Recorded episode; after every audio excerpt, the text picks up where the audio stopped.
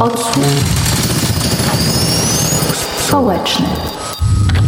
Witajcie w kolejnym odcinku Odsłuchu Społecznego, podcastu o polityce społecznej i politycznej. Możecie znaleźć nas na YouTube oraz na platformach podcastowych takich jak SoundCloud, iTunes czy Spotify.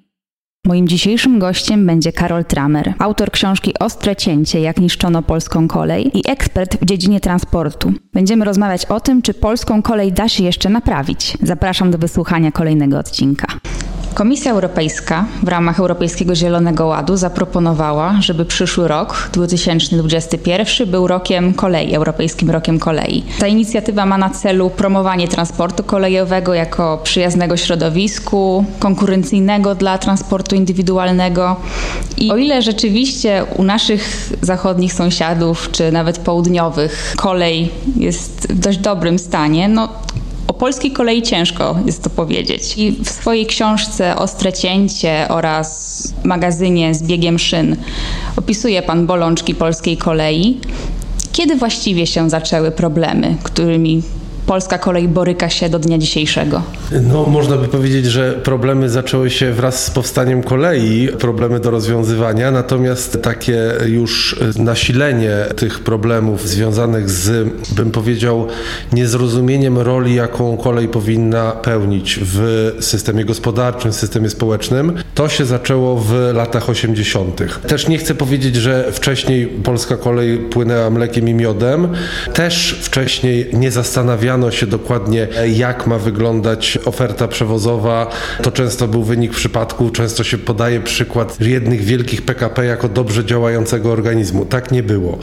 Powiedziałbym, że dlatego e, tą granicę wyznaczam w latach 80., bo wtedy już należało bardzo aktywnie działać, bo wcześniej kolej mogła działać siłą rozpędu, nie było takiej znaczącej konkurencji samochodów, też ludzie mieli mniej zróżnicowane potrzeby, a w latach 80 zaczęła być ta powszechność samochodu kojarzona z Fiatem 126P, no, który docierał pod strzechy.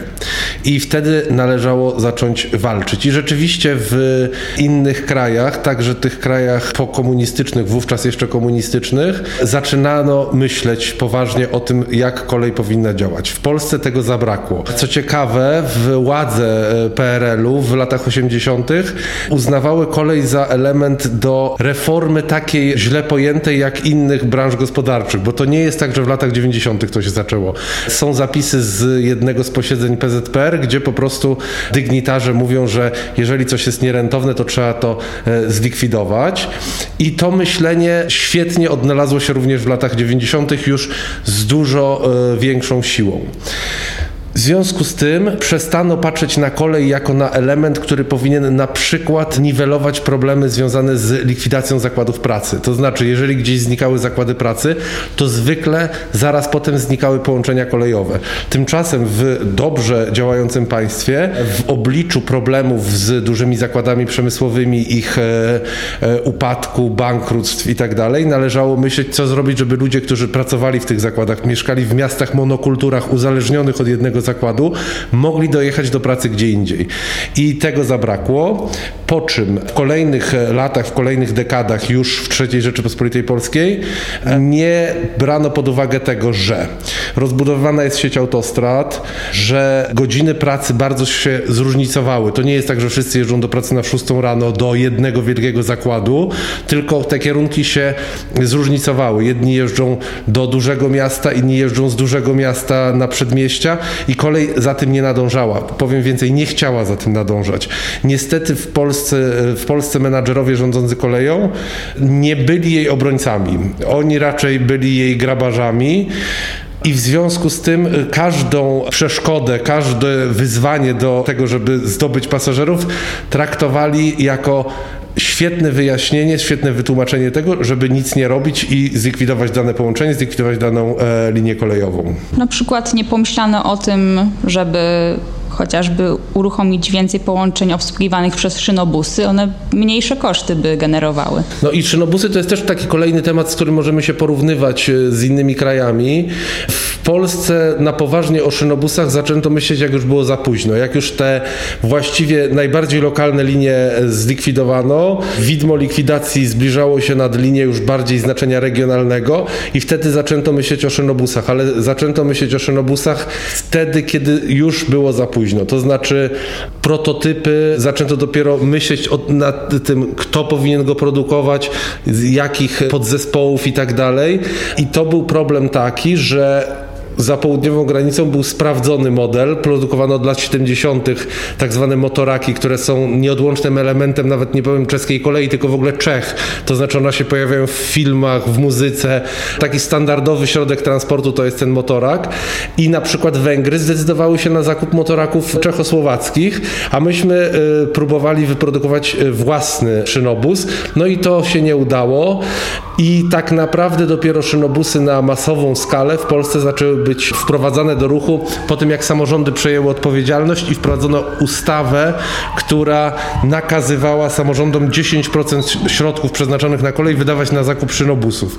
To też szło jak po grudzie na początku, bo to były dosyć małe zamówienia, krótkie serie, ale no dopiero w drugiej dekadzie XXI wieku osiągnięto tą liczbę szynobusów, kompletując ten wynik z różnych województw, jaka była planowana w latach 80 do wprowadzenia na kolei.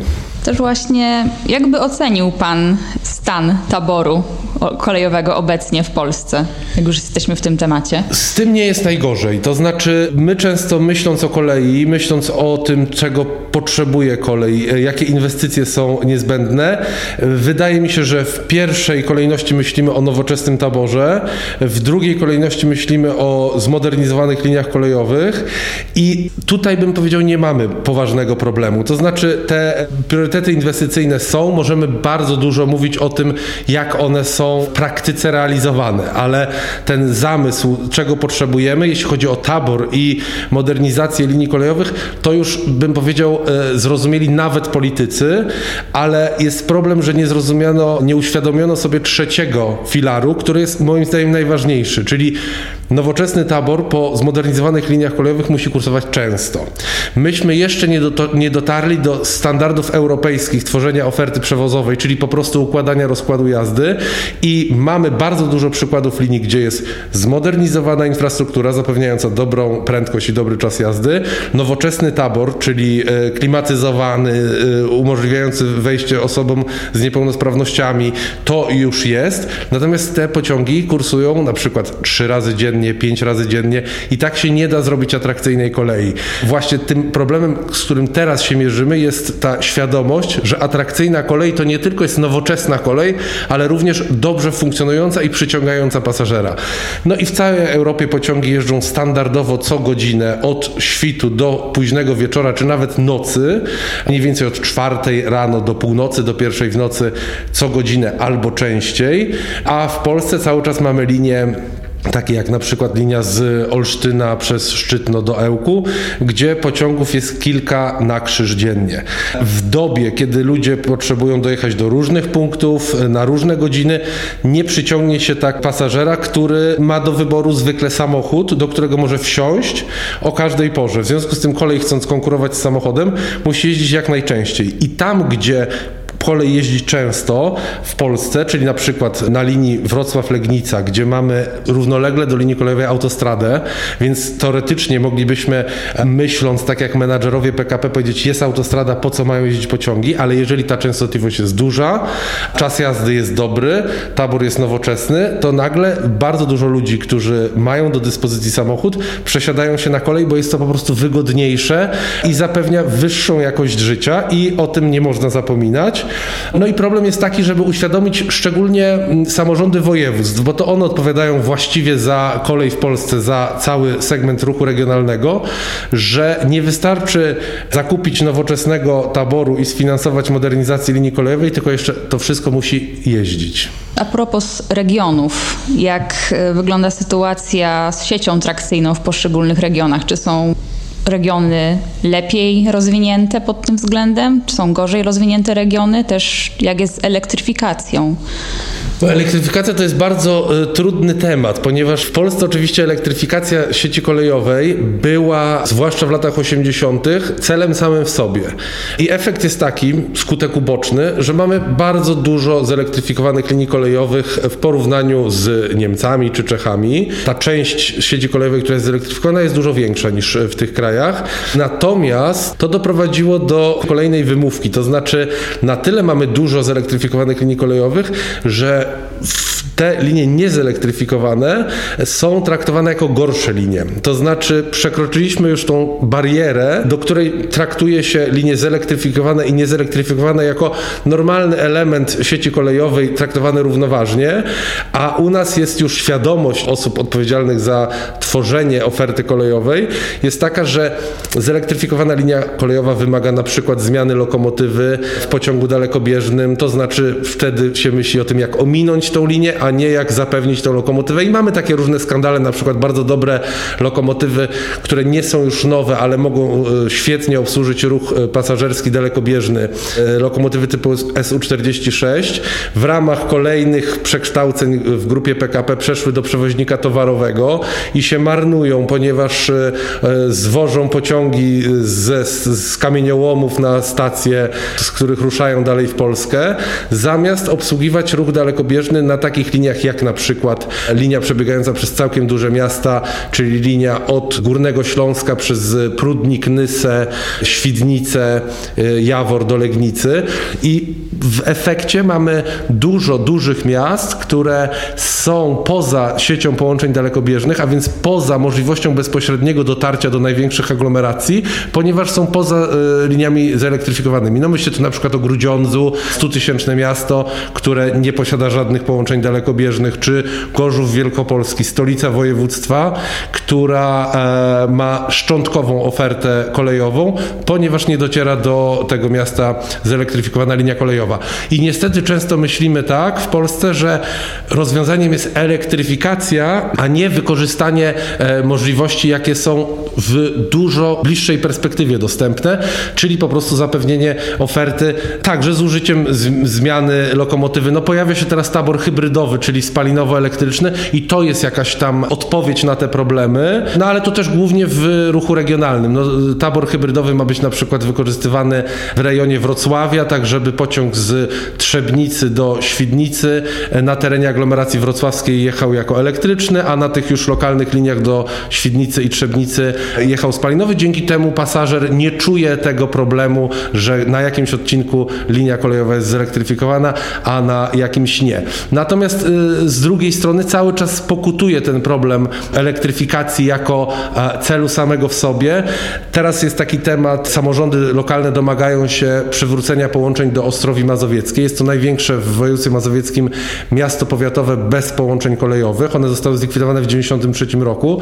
Przez Ostrów Mazowiecką przebiega linia niezelektryfikowana, używana tylko w ruchu towarowym. No i pojawiają się właśnie te wnioski samorządów lokalnych, żeby przywrócić te połączenia. To taka odpowiedź, żeby zbyć te samorządy jest trzeba zelektryfikować tą linię i wtedy będziemy myśleć. A tak naprawdę pierwszym krokiem, chociażby do tego, żeby przyzwyczaić mieszkańców do tego, że kolej działa i jest dla nich dostępna, byłoby uruchomienie właśnie szynobusu, który by e, dowoził do linii Warszawa-Białystok i tam następowałaby przesiadka. W dalszej perspektywie można by rzeczywiście zelektryfikować linię i zapewnić bezpośrednie połączenia od Warszawy do Ostrowi Mazowieckiej, czy wykorzystać zamiast elektryfikowania tabor hybrydowy. A teraz no jest to używane jako taka wymówka. Linia jest niezelektryfikowana, trzeba pomyśleć o elektryfikacji, czyli odsuwamy temat na co najmniej 5, a realnie 10-15 e, lat. Odsłuch społeczny. W Polsce obecnie jest dość dużo różnych przewoźników. Kiedy chcemy kupić bilet, mamy do wyboru koleje mazowieckie, Intercity, Polregio. Nawet pojawili się prywatne spółki, jak na przykład Arriva. I jak te spółki mają się do PKP, tej głównej?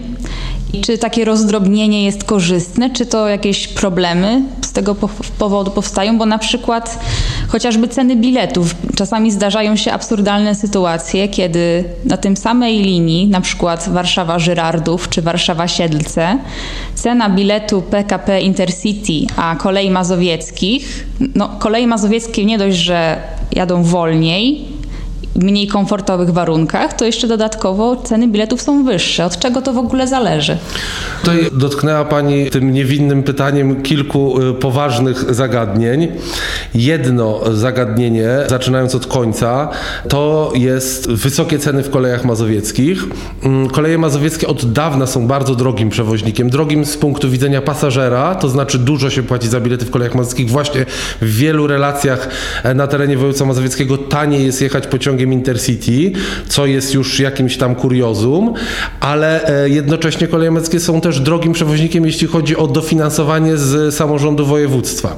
I wbrew pozorom e, to nie jest zaskakujące, bo przewoźnik, który ma wysokie ceny biletów, nie przyciąga na tyle dużo pasażerów, żeby jak największą część swoich kosztów pokrywać z biletów, więc musi bazować na wyższych dotacjach. To też jest taki fundamentalny problem, że przewoźnicy kolejowi czy osoby pracujące w spółkach kolejowych odpowiedzialne za politykę cenową, taryfową uważają małe przychody, musimy podwyższyć ceny biletów, to przychody będą większe. No to jest nieznajomość podstawowego prawa ekonomii, jaką jest cenowa elastyczność popytu.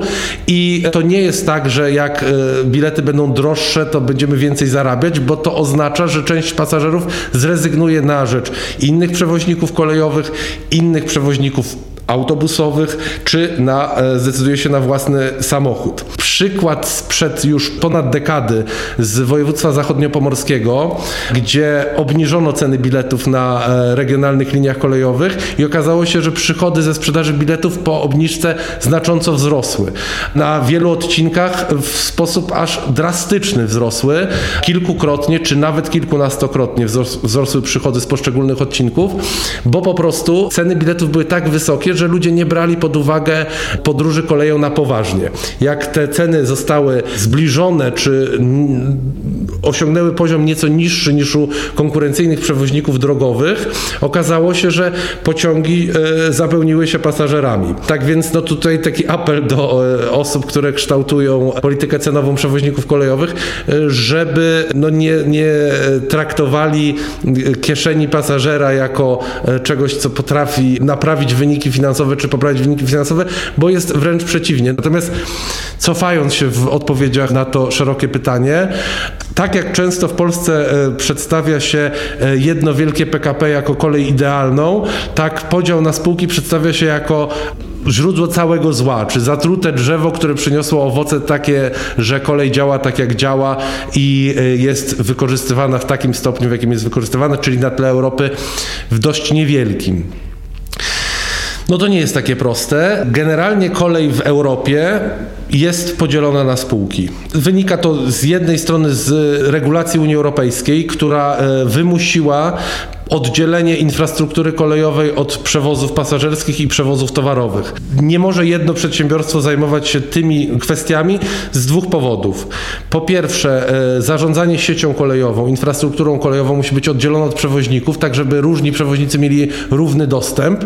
I nawiasem mówiąc, w Polsce wykonano dosyć minimalny zakres, to znaczy po prostu wydzielono spółkę PKP Polskie Linie Kolejowe, która dalej jest w grupie PKP i jest spółką siostrą na przykład dla PKP Intercity City i w różnych momentach daje to o sobie znać, że spółka PKP Polskie Linie Kolejowe nie realizuje interesu kolei, czyli własnego interesu e, maksymalizacji ruchu, a za każdy kilometr, jaki przejeżdża pociąg po sieci kolejowej, ta spółka dostaje pieniądze, więc w jej interesie jest to, żeby pociągów jeździło jak najwięcej, tylko w różnych kryzysowych momentach, czyli na przykład jak była tania konkurencja dla PKP Intercity w postaci połączeń Interregio, to spółka PKP Polskie Linie Kolejowe e, stosowała różne kruczki, różne elementy w regulaminie dostępu do sieci kolejowej, które premiowały PKP Intercity, a utrudniały działalność e, przewozom regionalnym i ich tanim połączeniom połączeniom e, Interregio, więc to pokazuje, że właśnie ten podział jest potrzebny.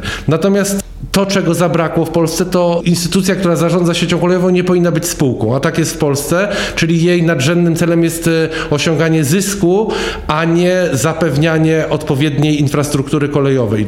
Czyli e, mamy taką niesprawiedliwość, że jest Generalna Dyrekcja Dróg Krajowych i Autostrad, która jest agendą rządową i mamy PKP Polskie Linie Kolejowe, które jest spółką akcyjną. O ile spółka akcyjna PKP PLK musi przede wszystkim osiągać zysk, to wynika z przepisów prawa, to Generalna Dyrekcja Dróg Krajowych i Autostrad ma w swoich celach jako podstawowy cel zapewnianie odpowiedniej e, sieci drogowej. I to jest ta różnica.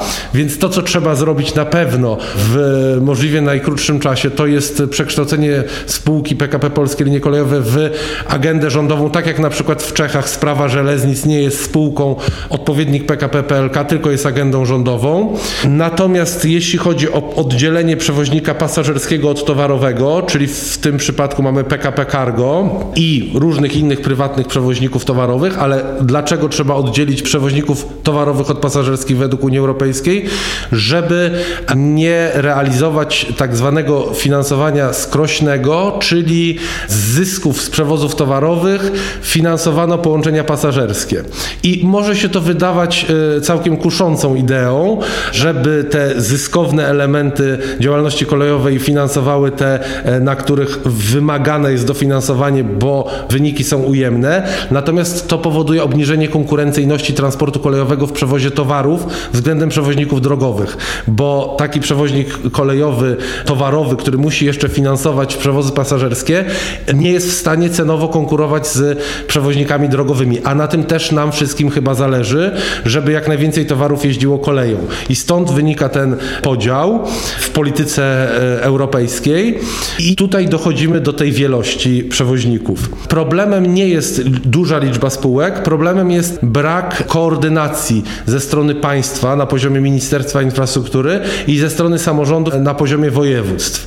To znaczy, pasażera nie powinno interesować w ogóle, jaką spółką jedzie, w jakich kolorach jest ten pociąg. Powinien kupować bilet na całą trasę i mimo pewnych prób, które zostały wykonane e, po stronie grupy PKP i Ministerstwa Infrastruktury wprowadzenia tak zwanego wspólnego biletu, to to cały czas nie jest rozwiązanie, które dobrze działa. To znaczy sprzedaż tych wspólnych biletów jest minimalna, ponieważ nie wprowadzono naprawdę systemowego rozwiązania, które znamy na przykład z Niemiec, gdzie e, możemy poruszać się pociągami różnych przewoźników i jako pasażera nie interesuje nas, kto jest przewoźnikiem, bo generalnie mamy bilety obejmujące cały region, są związki taryfowe i my kupujemy bilet po prostu od, że tak powiem, samorządu województwa, a samorząd województwa już jest jego problemem, czy dany odcinek powierzy w obsłudze e, jakiemuś przewoźnikowi prywatnemu, zagranicznemu, państwowemu. No trochę tak jak mamy w komunikacji miejskiej, w, na przykład w Warszawie. Mamy zarząd transportu miejskiego i z biletem kupionym od zarządu transportu miejskiego raz jedziemy przewoźnikiem miejskie zakłady autobusowe, raz tramwaje warszawskie, raz Mobilis, a raz PKS Grodzisk Mazowiecki. I myślę, że y, ogromna większość pasażerów nie ma świadomości, jakim akurat przewoźnikiem podróżuje, tylko wie, że jest to albo autobus, albo tramwaj, albo metro, albo pociąg. I to jest problem zarządu transportu miejskiego, żeby rozliczyć się i zapłacić tym e, przewoźnikom. I podobne modele funkcjonują na kolei w innych krajach i powinny również funkcjonować w Polsce. Odsłuch społeczny.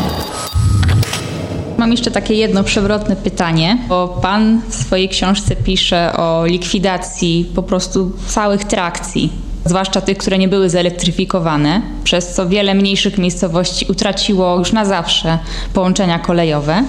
I moje pytanie jest takie, że co z miejscowościami właśnie, w których od dawna nie ma kolei? I czy po prostu te szlaki budować od nowa, co jest kosztowne, czy nie lepiej zamiast odtwarzania sieci po prostu inwestować w połączenia autobusowe, a to, co zostało zdewastowane, już do tego nie wracać, czyli innymi słowy odbudować infrastrukturę, która została zniszczona i dać sobie spokój z tym, po prostu puścić państwowe autobusy. No państwowe autobusy to jest trochę utopia. Trudno powiedzieć państwowe autobusy, bo nie wiem jak to miałoby być, czy to miałoby być jedno wielkie przedsiębiorstwo obejmujące całą Polskę. Raczej e, powinniśmy patrzeć po prostu na inne kraje, tam gdzie to działa dobrze, bo rzeczywiście myśląc o transporcie publicznym, o sieci połączeń, nie powinniśmy na wstępie rozdzielać kolei i autobusów. To powinny być uzupełniające się systemy, bo wiadomo, że do każdej miejscowości kolei nigdy nie doprowadzimy i autobusy powinny na przykład w mniejszym stopniu konkurować z koleją na równoległych ciągach, a bardziej dowozić pasażerów do pociągów, tak jak to się dzieje chociażby za naszą zachodnią granicą, tuż za nią. Bardzo polecam między Frankfurtem nad Odrą a Berlinem. W połowie drogi jest miasto Fürstenwalde i tam możemy zaobserwować powtarzający się spektakl, gdy przyjeżdża pociąg z Berlina i przy tym samym peronie, po drugiej jego stronie, z pociągu wysiadają ludzie i po drugiej stronie peronu, bez żadnych schodów, bez żadnych przejść podziemnych, stoją autobusy, które rozwożą pasażerów po mieście Fürstenwalde i po okolicznych wsiach i miasteczkach. I takich punktów w Niemczech, w Czechach są setki, jeśli nie tysiące. I tak działa nowoczesny transport publiczny. Wygodne przesiadki, jeden bilet, to znaczy wsiadając do pociągu w Berlinie możemy już kupić bilet, który będzie nas uprawniał do jazdy tym autobusem do jakiegoś miasteczka pod tym Fürstenwalde na przykład. Tylko, że znowu musimy spojrzeć na cały system. Trzymając się już tego Fürstenwalde, mamy organizację VBB, to jest Verkehrsverbund Berlin-Brandenburg, który zarządza transportem publicznym w Berlinie i całej otaczającej go Brandenburgii, czyli na ogromnym obszarze zamieszkałem przez bardzo dużą liczbę ludzi, rozciągającym się no, niemalże od Szczecina po Łużyce i dzięki temu, że mamy sprawnego organizatora, który koordynuje całą sieć połączeń realizowaną przez bardzo wielu przewoźników, który zajmuje się zarówno metrem w Berlinie, jak i autobusami lokalnymi w powiecie Barnim czy w powiecie Spreneise. Dzięki temu ten system działa całościowo. Myślę, że powinniśmy, nawet były takie głosy kilka lat temu, były dyrektor Zarządu Transportu Miejskiego w Warszawie Leszek Ruta, nawiasem mówiąc wywodzący się z kolei, mówił, że chciałby przekształcenia Zarządu Transportu Miejskiego w Zarząd Transportu Regionalnego obejmujący Warszawę i jak największy obszar województwa mazowieckiego. No niestety tego się nie udało zrobić. Mamy w Polsce dosyć duży problem, mimo że e, samorządy są często wskazywane jako ten najzdolniejszy e, element administracji publicznej, to niestety samorządy nie potrafią e, się porozumiewać między sobą, a tu potrzebna jest zgoda od Warszawy przez samorząd województwa po samorządy gminne i powiatowe w regionie, bo to musi być wspólne dzieło. Tak jak Verkehrsverbund Berlin-Brandenburg jest podmiotem, który należy do wszystkich szczebli władzy na danym terenie i one z jednej strony dają pieniądze, ale też wpływają na to, jak ta e, komunikacja publiczna powinna działać. Ta świadomość na przykład powiatu e, odległego od Berlina, że nie muszą mieć bezpośredniego autobusu do centrum Berlina, ale chcą mieć dobrą komunikację dowozową do linii kolejowej jest już na tyle ugruntowana, że tam no, nie trzeba wyważać otwartych drzwi. U nas niestety jeszcze za mało patrzymy na systemy, które dobrze działają. Natomiast jeśli chodzi o pierwsze pytanie w tym pakiecie, odbudowa linii kolejowych jest bardzo potrzebna. To znaczy to się dzieje, bo to nie jest tak, że likwidowano połączenia tylko w Polsce, likwidowano linie kolejowe również w Niemczech, we Francji i teraz te kraje, na przykład Francja teraz dochodzi do wniosku, trzeba odbudować części linii kolejowych. Wcześniej to się działo w Niemczech. A w związku z tym nawet przykłady z Polski pokazują nam, że zreaktywowana linia kolejowa świetnie może działać. Przykład Trzebnicy, linia Wrocław-Trzebnica. Linia została zlikwidowana na początku lat 90. W 2008 roku przywrócono połączenia i obecnie mamy tam klęskę urodzaju, to znaczy pociągi jeżdżą raz na godzinę, są pełne pasażerów i w godzinach szczytu ludzie już się nie mieszczą do pociągów. I tak samo mogłoby być w wielu innych miejscach Polski, tylko warunkiem jest po prostu nie tylko odbudowa linii kolejowej i puszczenie szynobusu kilka razy dziennie, tylko zapewnienie dobrej oferty. Podstawowym wyzwaniem jest przywrócenie połączeń kolejowych do tych największych miast, y, które nie mają połączeń kolejowych, czyli na przykład no, największe Jastrzębie Zdrój, prawie 100 tysięcy mieszkańców, nawiasem mówiąc liczba mieszkańców Jastrzębia Zdroju od likwidacji połączeń mocno mocno spadła i kierunek migracji z Jastrzębia Zdroju to wcale nie były duże miasta jak Katowice, Kraków, tylko pobliskie miasta jak Rybnik, Żory, które y, lepiej położone są na sieci połączeń komunikacyjnych.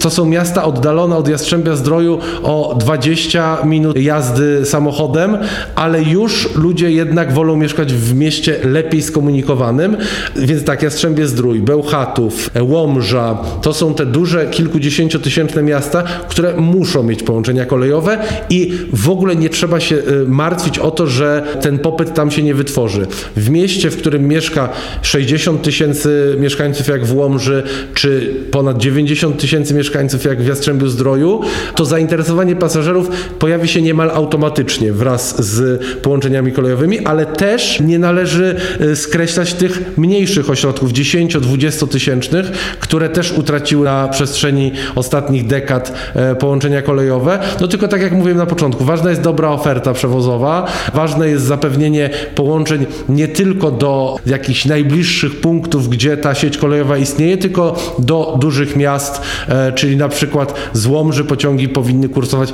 nie tylko do pobliskiej Ostrołęki czy Łap na linii Warszawa-Białystok, ale właśnie trzeba zapewnić połączenia bezpośrednio do stolicy województwa, czyli do Białegostoku na przykład. Dziękuję za rozmowę bardzo. Bardzo dziękuję. Było miło. Dziękuję. Odsłuch społeczny. Śledź nas na Twitterze i Instagramie.